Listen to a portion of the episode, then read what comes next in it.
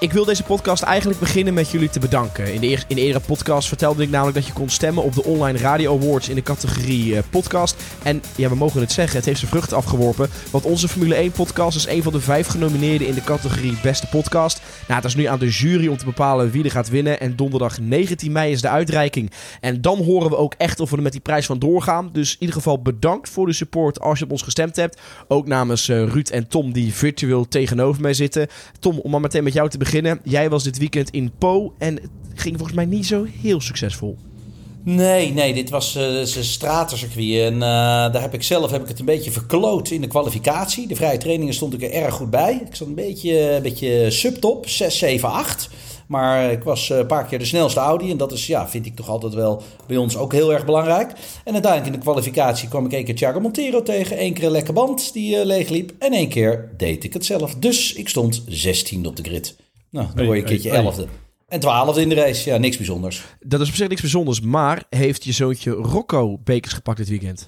Uh, nee, die heeft dit weekend ook niet gereisd. Dus, uh, dus uh, familie Coronel ook, was ook niet gereisd. dus. ja, ja, sorry. Ik bedoel dit weekend niet. ja, het klonk een beetje of je zo in zo'n taxi had gereden, Tom. Beetje op je, nee. op je dode gemak, maar dat was het toch niet helemaal? Nee, nee, het was heel zwaar. Het was heel moeilijk. straatrace, als je daar een foutje maakt, word je natuurlijk mega afgestraft. Maar het was gaaf om te rijden. Maar uh, sorry jongens, deze keer kan ik niet zeggen dat ik uh, trots op mezelf ben geweest. Wanneer ga je wel trots zijn? Wat is de eerstvolgende race waar je naartoe moet? Over twee weken zit ik in Paul Ricard. En uh, Ruud, hoe bevielen de trainingen, kwalificatie en de race jou met twee jonge kids en zes uur tijdsverschil? Ja, lange avonden, korte nachten. Maar een beetje, ja, toen ik 25 was, had ik dat ook altijd, Joris. Dus het moet jou heel bekend voorkomen, denk ik. Nou, ik denk dat ik daar nog een beetje nog te... Ja, ik voel mezelf ook af en toe volwassen. Dat ik denk, ik ga zuipen, maar dan ben ik 25. Maar denk nou ja, ik ben toch niet meer de leeftijd van 18. Dus ik denk dat je het gewoon zo steeds aan het vooruitschuiven bent. Beetje trainen. Ome Tom heeft nog wel wat tips. Ja hoor, dat komt allemaal goed. Maar zijn dat legale tips?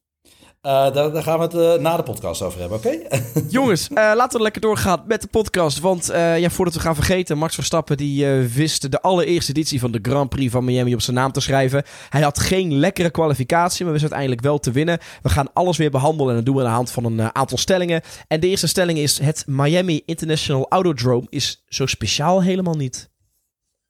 Nou ja, kijk, het is speciaal denk ik als ambiance eromheen de hele Amerikaanse show die er was. Het werd ook wel een beetje de Instagram-generatie genoemd van alles en iedereen die er maar bij moest zijn.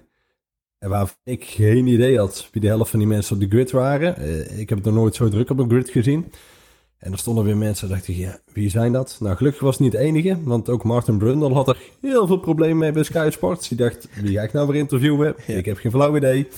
Maar nee, het is uh, een beetje dat, dat gehypte, dat Amerikaanse, de fake uh, haven bijvoorbeeld met de boter erbij, circuit technisch. Ja, oké, heel bijzonder. Nee, ja, weet je, er zit zo'n passage eigenlijk in met die chicane, die langzame bochten eromheen, waarvan de coureurs zeiden van, ja jongens, dit gaan we zo niet meer doen. Wij Formule 1 coureurs hebben echt hier gewoon een pleurenzekel aan. Dit is geen Formule 1 schrap dat, weet je. In het vervolg willen wij meer inspraak hebben op de squeeze. Dus dat zegt aan de ene kant ook alweer genoeg. Hè? Dat het was, ja, denk een beetje zoals Las Vegas misschien wel wordt. En misschien dat nog wel in het kwadraat. Zo van alles en iedereen die er ja, bij wil zijn om gezien en gezien te worden. Die was er. Uh, het wordt helemaal gehyped. Uh, was het circuit technisch heel bijzonder. Ik vind van niet, maar goed. Uh, wie kan er beter over oordelen dan onze eigen Tom, hè? onze uitcoureur.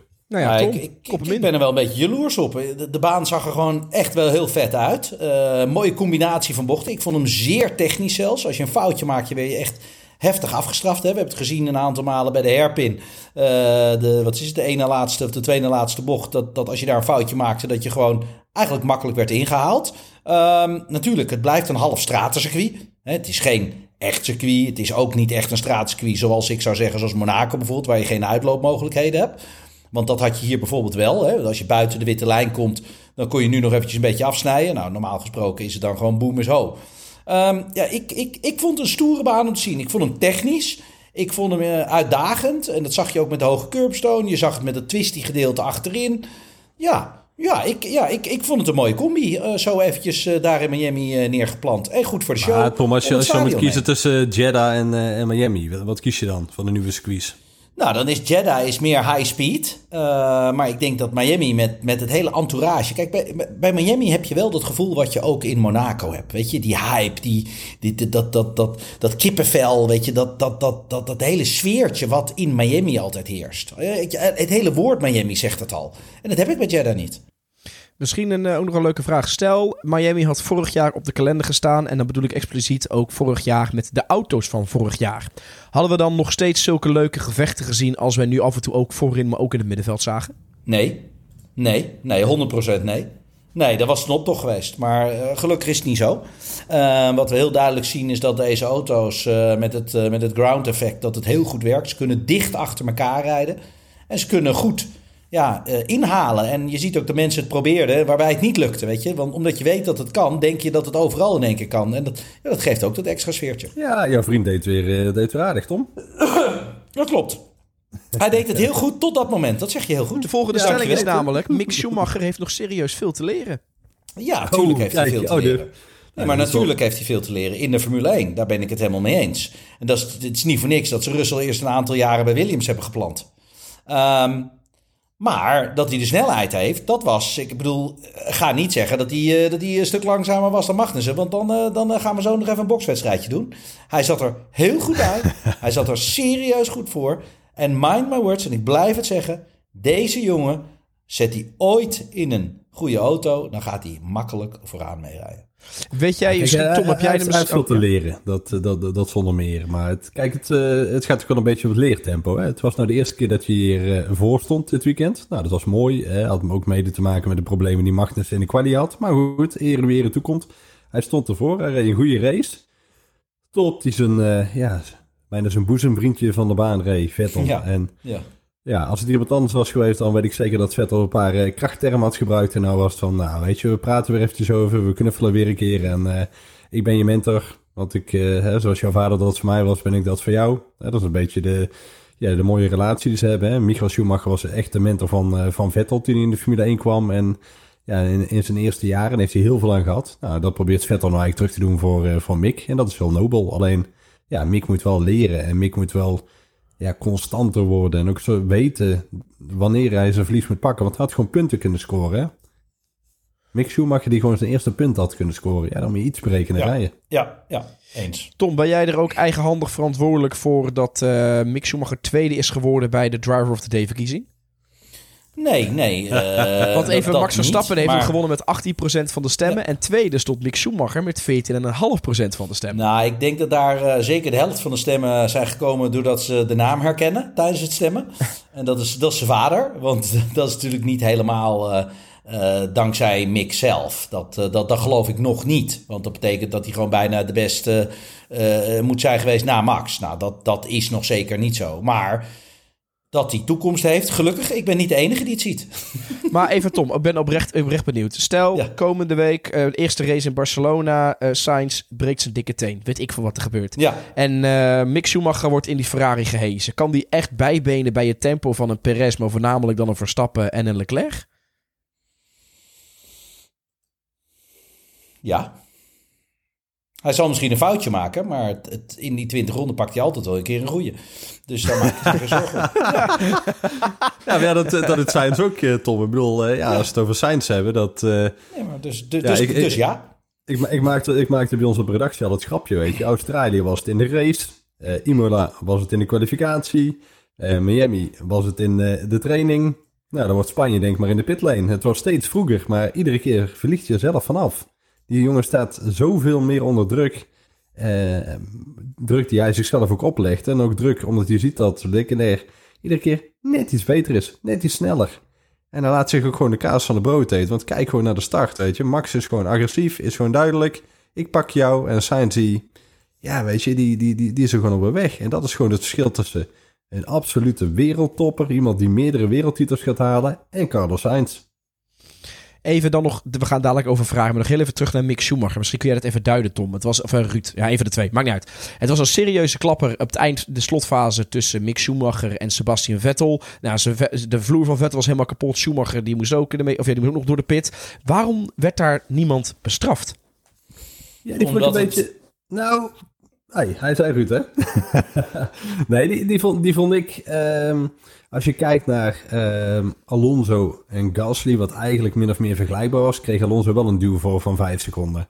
En die was eigenlijk voor Mick Schumacher ook gewoon terecht geweest. Ik bedoel, ja, je gaat voor een gat wat er gewoon niet is. Je bent te optimistisch. En nou, dat is 5 seconden en één of twee licentie uh, strafpunten is gewoon prima. En dan niet meer over praten, weet je. Gebeurt, hoort erbij, is racen, door naar het volgende. Oké, wil jij nog iets toevoegen, Tom? Nee, nee, ik zie het echt gewoon als een raceongeluk. Weet je, onhandigheid tussen beiden. Uh, de grootste onhandigheid natuurlijk van Mick, want die dook in een gat die er eigenlijk gewoon niet was. En ik denk dat, uh, ja, dat hij iets te optimistisch was uh, daar, dat, dat zeker. weet je, sommige dingen moet je ook natuurlijk laten doen oplossen. niet iedere keer de organisatie moet zich overal mee bemoeien. En dat heb ik al wel eens vaker gezegd. Weet je, laat die rijders maar even zelf onderling met elkaar een beetje bespreken. En dan, weet je, dan kom je ook wel tot een, tot een punt. Dus in dit geval, ik denk dat de rijders het gewoon zelf keurig hebben opgepakt. Oké, top. De volgende stelling die hebben wij ook voorgelegd aan ons podcastpanel op onze website. Mocht je nou denken, podcastpanel, wat is dat? Uh, naast het vragenartikel hebben wij nu ook gewoon een, zeg maar, een stelling die wij normaal iedere zondagavond na de race plaatsen op onze website. En dan kun je stemmen of je het ermee eens bent, ja of nee. En de uitslagen gaan we ook hier bespreken in de podcast. En de stelling die we op de website hebben geplaatst is zonder technische problemen is Verstappen onverslaanbaar. Nou, daar hebben duizenden mensen op gestemd. En ik zal eerst even nu doornemen wat eh, de mensen op de site zeggen. 74% is het ermee eens. Zonder technische problemen is Verstappen inderdaad onverslaanbaar. En 26% zegt nee. En voordat we naar wat reacties gaan, ben ik eerst benieuwd wat... Uh, nou, begin maar Tom, wat vind jij hiervan? ik ben het er 100% mee eens. Hij is, hij is onverslaanbaar, want hij kan namelijk gewoon als het weekend slecht begint, kan hij zich nog steeds gewoon uh, herpakken. Um, als je alleen al kijkt naar de keren dat hij is uitgevallen in vergelijking met zijn concurrenten. En dan eventjes kijkt naar de, de scores die hij eigenlijk constant heeft. Is het eigenlijk altijd wel één of twee. Ja, dan, uh, dan zie ik daar gewoon meer dan potentie in dan een, uh, dan een wereldkampioen. En dan doet hij eigenlijk dingen met een auto die niet kunnen. Want ja, sorry, ik blijf het zeggen. Maar Perez heeft dezelfde auto en komt gewoon niet in de buurt. Maar dan ook al echt niet. Ruud? Nee, ik ben het er volledig mee eens. Want uh, ja, wie is er op dit moment beter dan Max Verstappen? En dat is niet omdat we uit Nederland komen. Hè, want dat krijgen we natuurlijk wel eens hier te horen, oranje brilletje. Maar er is niemand die op dit moment zo compleet en zo constant is als Max. Kijk, naar, kijk bijvoorbeeld naar Leclerc. Heeft uh, in de kwalificatie de beste auto in de race. Een auto die denk ik ook gewoon goed genoeg is om te winnen. Nou, je ziet dat hij in de eerste stint maakt je op een gegeven moment ook eens een foutje als je ingehaald is. Uh, ja, daar zit gewoon nog meer ja, verschil in. Als Max in die Ferrari had gereden en aan het jagen was op Leclerc, dan had hij hem wel gepakt. Je zag op een gegeven moment dat Leclerc er super dicht achter zat naar die herstart. Mm -hmm. Op een gegeven moment is hij zelfs al twee tienden. Toen moest het rechte stuk volgens mij met DRS nog komen. Alleen dan gaat hij ergens in de laatste bochten ja, dan, dan, dan overdrijft hij eigenlijk die, die, die, die Ferrari. Dan gaat hij een beetje over die cliff heen. Alles wordt net te warm. En dat momentum is eigenlijk weg. En daarna zie je dat Max ook weer relatief makkelijk eh, uit die DRS-zone kan rijden. Want hij kon het vier, vijf rondjes volhouden, waarvan twee of drie rondjes met DRS.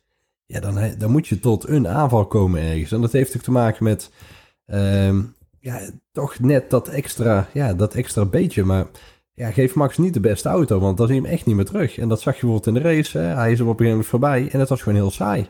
Acht seconden. Nou, ik, uh, pak gewoon dood. Ik pak even een reactie eruit van Marvin James. Die heeft gereageerd en die zegt... De twee races die hij is uitgevallen, daar had Leclerc ook gewoon gewonnen. Hij is wel te verslaan, maar zonder technische problemen... denk ik wel dat hij de beste papieren heeft voor het kampioenschap. Zijn jullie ook met het eerste deel van Marvin eens? Ja, kijk, uiteindelijk is iedereen te verslaan. En in uh, Bahrein had Max misschien moeten winnen. Hè? Daar waren ze aan het knokken en uh, Leclerc die pakt, hem, die pakt hem terug. Alleen dan was de Ferrari gewoon nog beter. Um, in Australië heeft Leclerc gewonnen, was die Ferrari veel beter. En ook veel beter op de banden. En dan zie je dat Red Bull in Imola, um, maar ook gewoon nou in Miami, tijdens de race ja, minimaal gelijkwaardig was. Dat zag je ook aan Perez met, met een Sainz. Die zaten ook gewoon onder elkaars achtervleugel. Tom? Ik vind het moeilijke. Ik zie nu gewoon dat. Uh, begin van het seizoen zag ik echt dat de Ferrari gewoon een stuk krapper was. En ik zie nu dat de Red Bull. Ja, ik zeg niet dat de auto direct sneller is, want in Imola stond, stond hij natuurlijk wel op pol en hier natuurlijk niet. En weet je, het is altijd dat verschil dat mensen op een gegeven moment heel theoreticus uh, gaan, gaan, gaan nadenken. Weet je, de, ene band deed mijn auto het niet, de andere band uh, wel. Weet je, dat is. En we zagen natuurlijk wel een beetje dat de mediumband, de Red Bull, net even wat sterker was. Um, maar dat heeft meer, dat is meer, meer met een balans met de band te maken. Want uiteindelijk als je met dezelfde band rijdt, ja, zal de auto, als die snel is, zal die eigenlijk altijd snel moeten kunnen zijn. Ik ben benieuwd wat jullie hiervan vinden. Misschien vooral Tom, want jij hebt je al vaker over dit onderwerp uitgesproken. Maar Perez heeft zich nog niet genoeg bewezen voor een nieuw contract bij Red Bull. Ja, ja daar ben ik, het, ben ik het in principe mee eens. Want hij rijdt natuurlijk bij Red Bull uh, in dienst van. En, en dan wordt er wel geacht dat hij support geeft. Nou is het wel zo dat hij een technisch probleempje had. Hè, en dat hij daardoor toch een gaatje heeft moeten laten vallen. En dat ja, is naar mijn inziens toch ook wel het probleem geweest. Waardoor hij en uh, Saints niet uh, voorbij uh, is, is gekomen. En uiteindelijk dus ook niet de aanval heeft in kunnen zetten op, op Leclerc. Want ja, hij heeft wel dezelfde auto. Maar het is altijd wat. Weet je, de helft van de keren zeg ik altijd is je eigen schuld. En de helft van de keren is het, is het iets anders. Maar het kan niet altijd zijn dat het niet lukt. En ja, dat, daar ben ik teleurstellend in. Eh, dat is, dat, dat dat, hij is nog niet goed genoeg om als goede tweede rijder te kunnen fungeren. Maar is hij wel beter of slechter dan... Nou, ik, denk de, ik denk, als ik het mag zeggen, ik denk dat er voornamelijk kans gaat tussen natuurlijk een Pierre Gasly overhevelen van Alfa Tauri of een Sergio Perez. Waar zou dan nu nog je voor kunnen uitgaan? Want je zegt wel aan de ene kant Perez niet goed genoeg, maar is dan Gasly beter? Ik zeg niet direct beter, maar ik, ik, ik zou nu de kans wel zou ik hem geven. Uh, omdat hij zich verder heeft ontwikkeld. Um, ja, dus, dus ik, ik, ik, ik zou als dokter Helmut Marko zou ik hem de kans geven. Tom, jongen, ik heb nieuws voor je. Dat gaat niet gebeuren. Helaas. Nee, Vertel, dat, uh, Ruud. Nou, kijk, wat, uh, ik ben het ook niet helemaal eens met Tom. Kijk, wie is er op dit moment beter en beschikbaar dan Perez? Uh, Perez doet het dit seizoen een stuk beter dan vorig jaar. Zit er vaak twee, drie tienden achter. Uh, triggert Max af en toe ook een keertje door af en toe gewoon een keer wat sneller te zijn. Um, Tuurlijk, hè, hetzelfde met Sainz bij Ferrari. Het geldt ook voor Perez. Het zijn goede rijders die als ze hun dag hebben eh, ook echt een race kunnen winnen. misschien ook wel meerdere races. Alleen structureel komen ze gewoon tekort ten opzichte van uh, Leclerc en zeker ten opzichte van Verstappen. Maar we hebben net al geconcludeerd eerder in de podcast, wie is de beste coureur? Max Verstappen. Dus ja, wie ook langs de beste coureur ter wereld zet, die zal nooit aan hem kunnen tippen. En ik vind dat Perez dit seizoen beter doet. Um, en uh, ja, voor uh, tien bonuspunten durf ik wel te voorspellen dat hij volgend jaar ook bij Red Bull rijdt. we hebben het hem ook gevraagd in, in Miami. Gaan niet, we gaan niet dubbele punten uitdelen, maar ga door met je verhaal. We hebben, we hebben het ook gevraagd in Miami en uh, dat gaf je ook aan dat ze zijn in onderhandeling over een nieuw contract. zijn manager was ook in, in Miami en ja, hij gaat, de kans dat hij volgend jaar voor Red Bull rijdt is gewoon 99%. Ook omdat Gasly heeft natuurlijk ooit de kans gehad, was het wel te vroeg. Maar maakt nou ook wel eens wat, ja... Het blijft een beetje... Ik heb een beetje het Heinz Harald Frensen gevoel bij, uh, bij uh, Pierre Gasly. Misschien moet je voor de jongere fans ook nog even uitleggen wat dat betekent. Ja, ik wou net zeggen, dan gaan de jongere fans zeggen... Wie? Nou, Heinz Harald Frensen was een van de meest getalenteerde coureurs in de jaren negentig. Die werd een hele grote toekomst werd die, uh, voorspeld. Die deed heel goed bij de subtopteams. Heeft een jaartje bij Williams gereden. Twee jaar zelfs dat werd, hem, uh, dat werd hem gewoon niet. Toen kwam hij terug bij Jordan in 99 en dan won hij in één keer, uh, wat was het, twee of drie races. Deed hij gewoon een lange tijd mee voor de wereldtitel. Maar dat zijn het type coureurs die net iets te kort komen.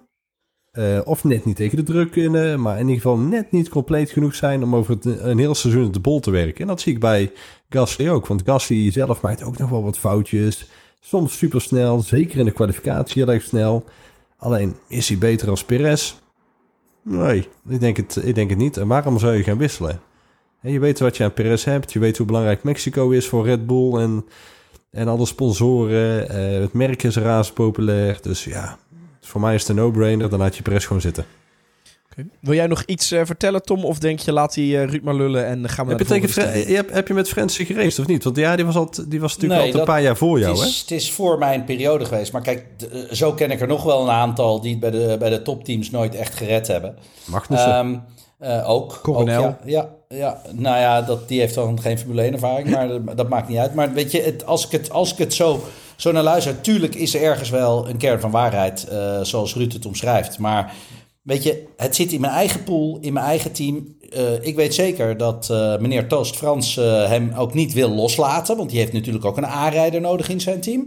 Maar ik kan me ook heel goed voorstellen, wil je hem niet kwijtraken in jouw pool, want vergeet niet, ik bedoel, hij gaat natuurlijk ook eventjes een beetje, een beetje buiten het Red Bull clubje gaat, gaat Gasly kijken. Ja, dat is ook niet wat je wil. Dus op een gegeven moment zal je wel een klein beetje moeten. Dat is hoe ik erover denk. Maar aan de andere kant, waar, om da daarna af te ronden, waar kan Gasly naartoe?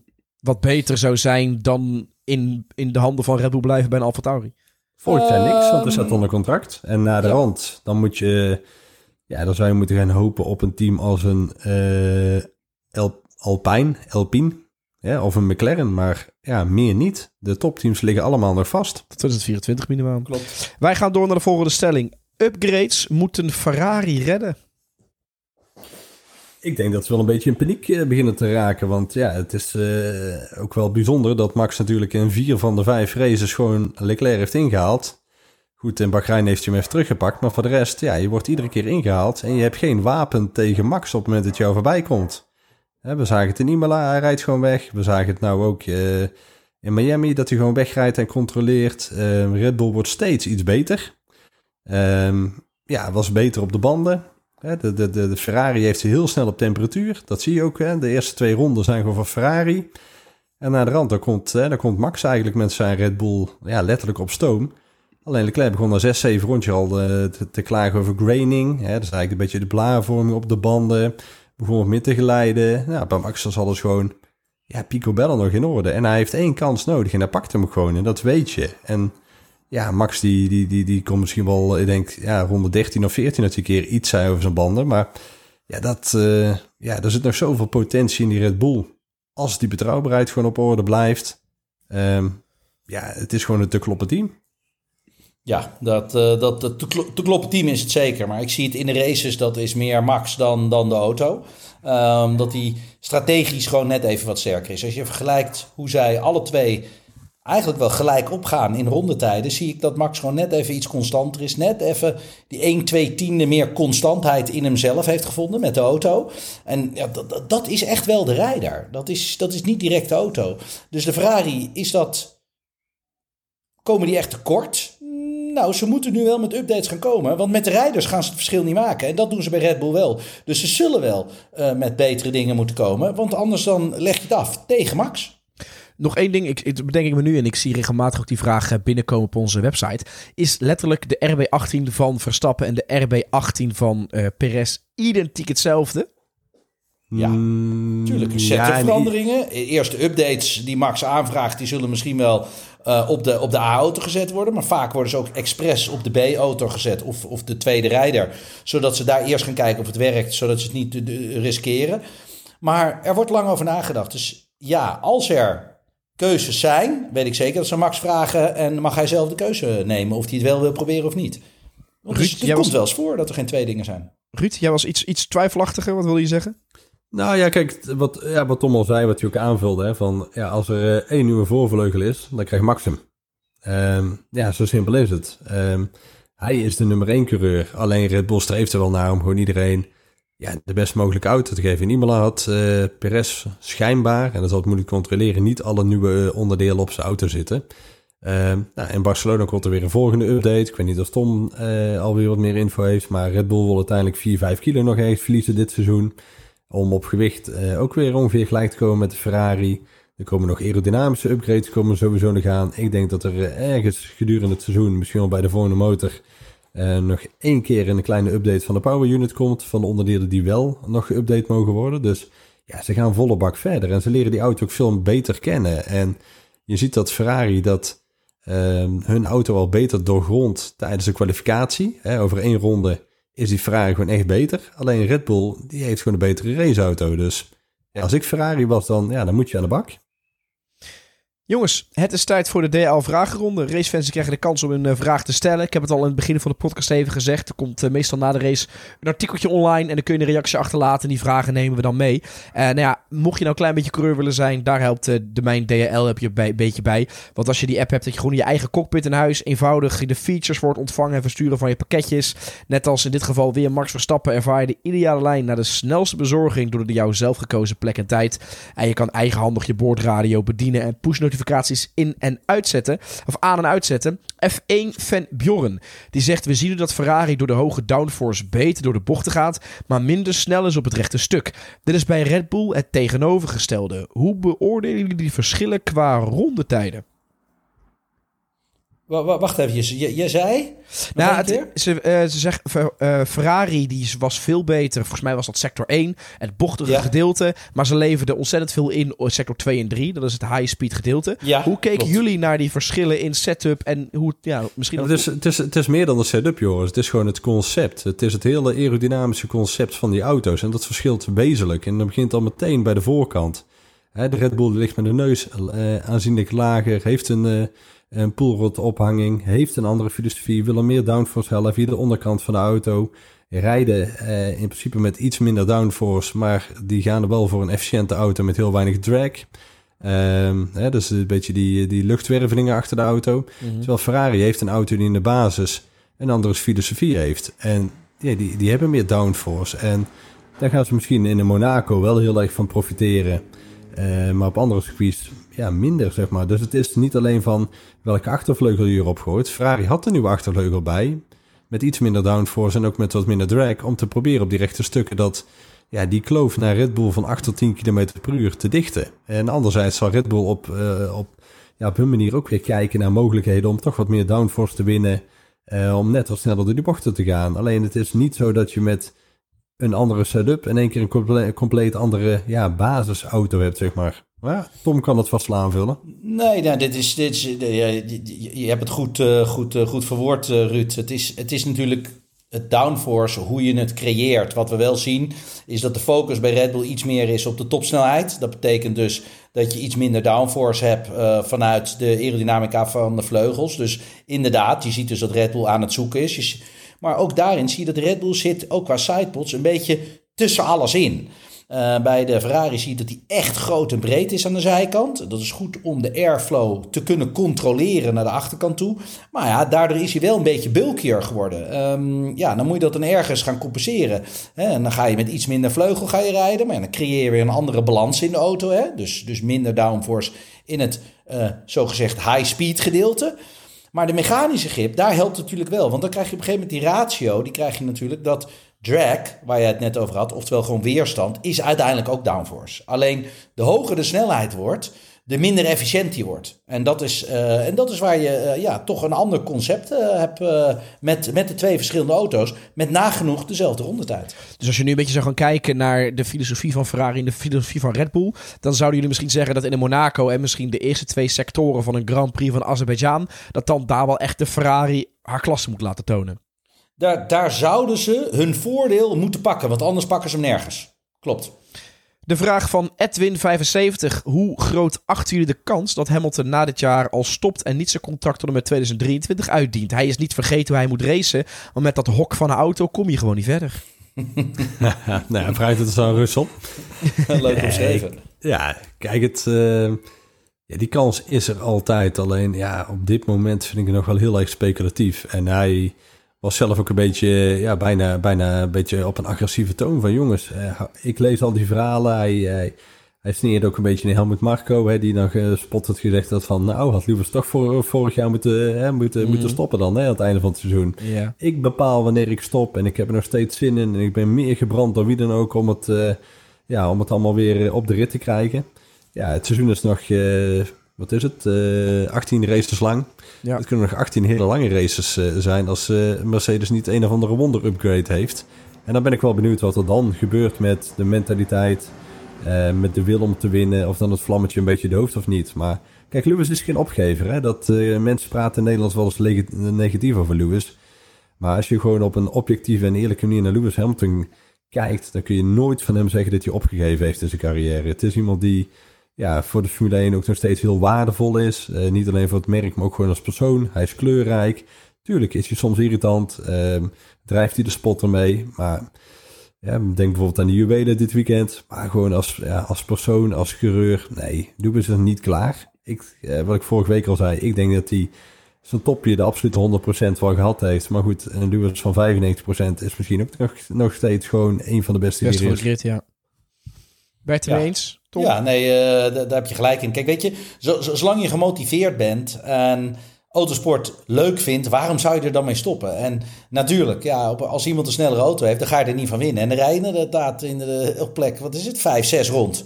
Ja, maar ja, hoe denk je dat die anderen zich hebben gevoeld de laatste zeven jaar met de Mercedes die de snelste auto is geweest? Dus en dat begrijpt hij echt wel. Ik denk dat voor hem nu juist een soort van trigger is om deze auto weer vooraan te brengen. Want dat is ook uiteindelijk best wel een heel gaaf iets dat jij als rijder zijnde toch support, uh, tips en tricks kan geven om het hele team weer te doen liften. Want dat is uiteindelijk wat je toch echt wel samen doet. Het is niet zo in één keer dat je de handdoek in de ring gooit. Daar, daar geloof ik helemaal niks van. En die achtste wereldtitel, ja jongens, kom op, die, die, die, die, die moet vallen. Die zit in zijn hoofd, die heeft er altijd in gezeten. Die heeft hij echt, nou ja, ik zeg het altijd, Tommy een kuthaar gemist. Echt net niet, weet je wel. En uh, ja, dat, is, dat, dat, dat kan niet anders dan dat je dat niet vergeet. Dat geloof ik niet. Jascha Standaard, kunnen we concluderen dat de McLaren moeite heeft met de warme temperaturen? Want vorige keer bij de koude Imola zaten ze er wel bij en ja, nu eigenlijk totaal niet. Of is het te kort door de bocht? Uh, Ricciardo, die lijkt het toch wel echt een beetje kwijt te zijn. Ik vind het spijtig, hè, want ik had eh, serieus gehoopt dat hij uh, ja, bij McLaren ja, helemaal op zou bloeien. Alleen Norris heeft een overhand. ja, de start van de race van Norris was volgens mij ook al niet heel denderend. En het was een beetje zo'n ja, kleurloze wedstrijd. Ja, totdat dat je dan even Gasly tegenkwam. Maar ja, het, nou ja, ik weet niet. Het is een beetje, ze zoeken nog heel erg, denk ik. Want als je kijkt waar ze begonnen, toen waren ze bijna het laatste team hè, in, in Bahrein. Dus ze hebben wel progressie gemaakt. Alleen ja, het is een beetje in die subtop. Uh, ja. De man, de man trouwens die in de subtop het wel altijd goed doet, is gewoon Bottas met zijn Alfa. Hij zit er iedere keer gewoon lekker bij. Ongehoord. Eén, foutje, dat was jammer, Johan. Dat is gewoon vijfde. Ja, ja, dat was echt... En dat, dat foutje, wat is het? Twee rondes voor het einde ongeveer? Ja, klopt. Drie ronden inderdaad, ja. Uh, daar zat hij net eventjes met het uitkomen van de herpin. Eventjes een, iets te vroeg op het gas. Vergalopeerde zich ietsjes. Schoot iets wijd. En uh, er gingen de twee Mercedes gingen binnendoor. Maar dat kwam natuurlijk door die safety car. Dat alles zo dicht op elkaar zat. Dus dan word je ook wat, ja, wat harder afgeschaft. Um, maar dat is, dat is wel iets waar je Bottas hebt zien groeien. En dat, dat, ja, dat, dat is wel gaaf om te zien. Dat nu door die hele mixture die er daar in het middenveld ontstaat, dat dat ook gewoon vet race is. Boelsnake die zegt: Tom en Ruud, waarom rijden er geen vrouwen in de Formule 2 en 3? Vroeger was er geen verschil. Klopt, dat is er nog steeds niet. Uh, zouden het nog steeds kunnen doen. Je hebt natuurlijk de, de, de W-series, de, de, de, de, women uh, races. Die hebben ook in Miami gereden. Uh, maar dat zijn eigenlijk alleen vrouwen tegen elkaar. Weet je, het is toch gewoon op een, een of andere manier dat, dat in deze mannenwereld het net niet, het net niet lukt. Terwijl het een vrouw echt niet langzamer is dan een man. Helemaal niet zelfs. Ik heb wel situaties gehad dat ik dacht, holy moly, hoe, hoe, hoe kan dit? Mijn vrouw heeft ook gereisd. Ja, maar het klopt ook niet helemaal. Hè? Want ik bedoel, Tatjana Calderon, die heeft ook gewoon uh, ehm, GP3 gereden, heeft Formule 2 gereden. Die rijdt nou zelfs in IndyCar in Amerika. Alleen ja, met alle respect uh, voor Calderon uh, ja, daar kwam niet echt vooruit. Hè, dat, nee, nee maar geen, enkele, is... geen enkele buur, keer in de buurt van een podiumplaats, laat staan overwinning gekomen. En geen enkele klas voor die ze reden hoor. Want dat, uh... Maar Ruud, in de Formule 1 en de Formule 2 en de Formule 3 zijn er ook mensen die 18e, 19e moeten worden. Dus, dus weet je, ergens... Goeie ja, insteek wel. Dat, nee, maar dat blijf je houden. De, ik bedoel, als er 20 deelnemers zijn, dan, dan is dat altijd zo. En ik bedoel, ik zit daar ook wel eens. Hè? Um, maar op een, een of andere manier heb ik het gevoel dat de dames het niet lang volhouden. Dat is het. Ze zijn wel snel en ik zie dat ze heel graag willen. En er is ook, ja, vind ik best wel kansen voor, uh, voor dames uh, om, uh, om te racen. Want ja, ze trekken wel heel veel aandacht en publiciteit. Dat is uiteindelijk wat ze wel willen. mannen willen allemaal raceauto's en mooie vrouwen zien. Dus ja, de, de, de combi is natuurlijk het mooiste wat er kan gebeuren. Nou, Danica Patrick, hè, die was in Amerika mega populair. IndyCar-coureur. al bij enkele jaren gestopt daar. Maar ja, die was super populair daar. Want het was en een mooie dame en ze was nog snel ook. He, ze was niet goed genoeg voor de, eh, voor de titel.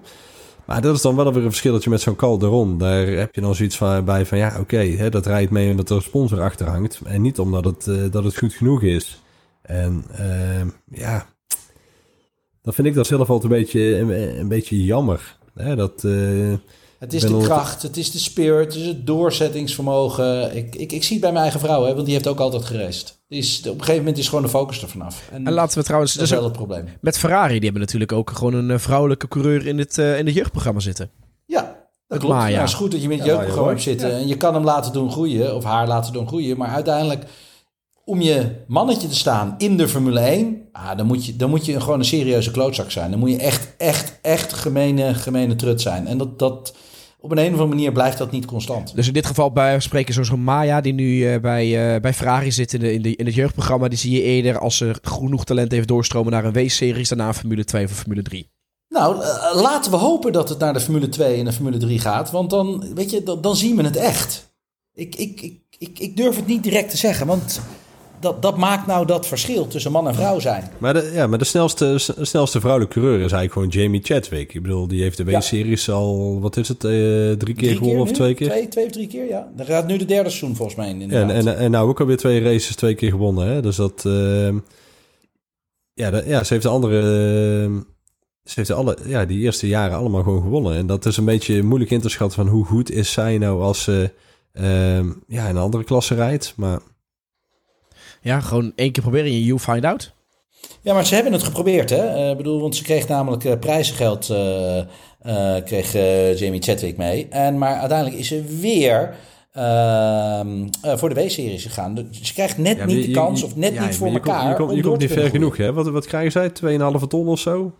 Maar dat, is waar het, dat is waar het fout gaat dus. Iemand moet haar oppakken. Als je iedere keer kampioen wordt bij die WC's, dan, dan moet er iemand of een team of een fabrikant haar oppakken. Gewoon zeggen, hup in de Formule 3, hup in de Formule 2. We gaan nu gewoon, we gaan nu gewoon stappen maken. Ja, en dat komt op een, een of andere manier niet voor elkaar. Dat sommige teams doen dat dan. En dan ben je in één keer een vrouwelijke ontwikkelingscoureur. Nou ja, eh, ja. Dat, ja, tegenwoordig als ontwikkelingscoureur zit je nooit meer in de Formule 1 auto. Je komt nog ineens... Um, hè, Renault had... Uh, Carmen Jorda als ontwikkelingscoureur. Nou ja, met alle respect voor Carmen Jorda. Ik denk dat er heel veel vrouwen eh, in de wereld eh, van de racerij sneller zijn. Alleen zagen er misschien net iets minder mooi uit. Nou, en haar, zij was aangenomen als lopend reclamebord voor het team van Renault. En niet als ontwikkelingscoureur. Terwijl bij een Chatwick denk ik van nou, die moet talent hebben.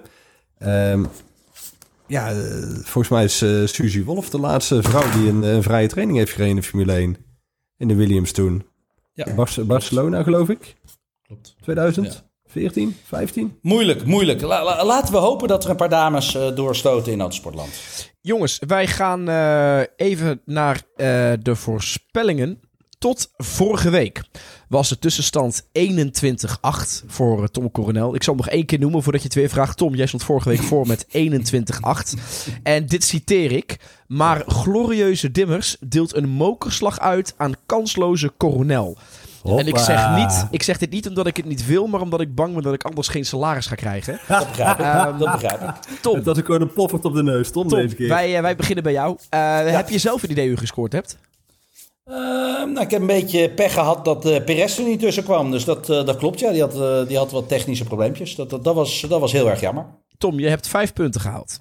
Ja, uh, dankjewel. Jij hebt uh, de racewinnaar heb jij goed, Max Verstappen. Uiteraard. We hebben ook voorspeld wie de eerste, wie de eerste uitvaller was. Daar had jij George Russell. Nou, dat klopte niet. Nee. Snelste pitstop dacht jij McLaren. Klopte ook niet. Nee. Pole position dacht je Verstappen. Nou, ook niet. En op drie stond bij jou Leclerc en op twee bij jou Perez. Nou ja, dat klopte ook niet. Vijf puntjes krijg je erbij. Brengt jouw score op Leuk 26. Moeite, Leuk voor de moeite. 26.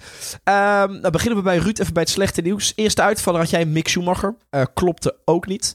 Snelste pitstop was van Red Bull. Die had jij wel goed. Pole position van Leclerc had je ook goed.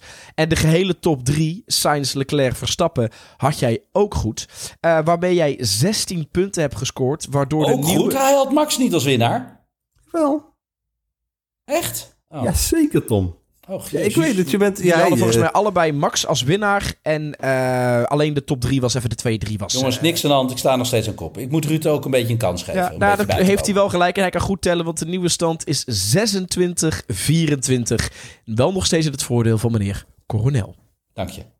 Volgende week, nieuwe ronde, ronde, nieuwe kansen. Dan gaan we namelijk vooruitblikken op de Grand Prix van Barcelona. Dus gaan we erachter komen, houdt Ruud zijn winning streak vast of komt gewoon weer... Nou, krijg ik volgende week een titel als glorieuze, dim, of een glorieuze coronel deelt mokerslag uit aan kansloze nee, titels kun je altijd maar één keer gebruiken, Joris. Je, je moet nog veel leren. Dan gaan wij een uh, andere, andere titel doen. Uh, gaan we bijna afsluiten. Niet voordat ik gezegd heb, 19 mei staat er weer iets leuks op de planning. Dat is volgende week donderdag.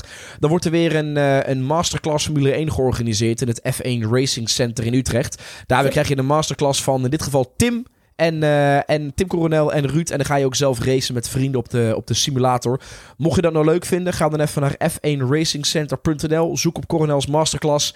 Ga je alles vinden wat je moet weten. En dan hopen we je de 19e te zien in Utrecht. Gaan we hem nu uh, langzaam afronden, jongens. En bedankt weer voor jullie eerlijke, ongezouten meningen. En uh, ja, zoals gezegd hebben, wij spreken elkaar volgende week weer. Tot volgende week maandag. Doei doei. Au revoir. Doei doei.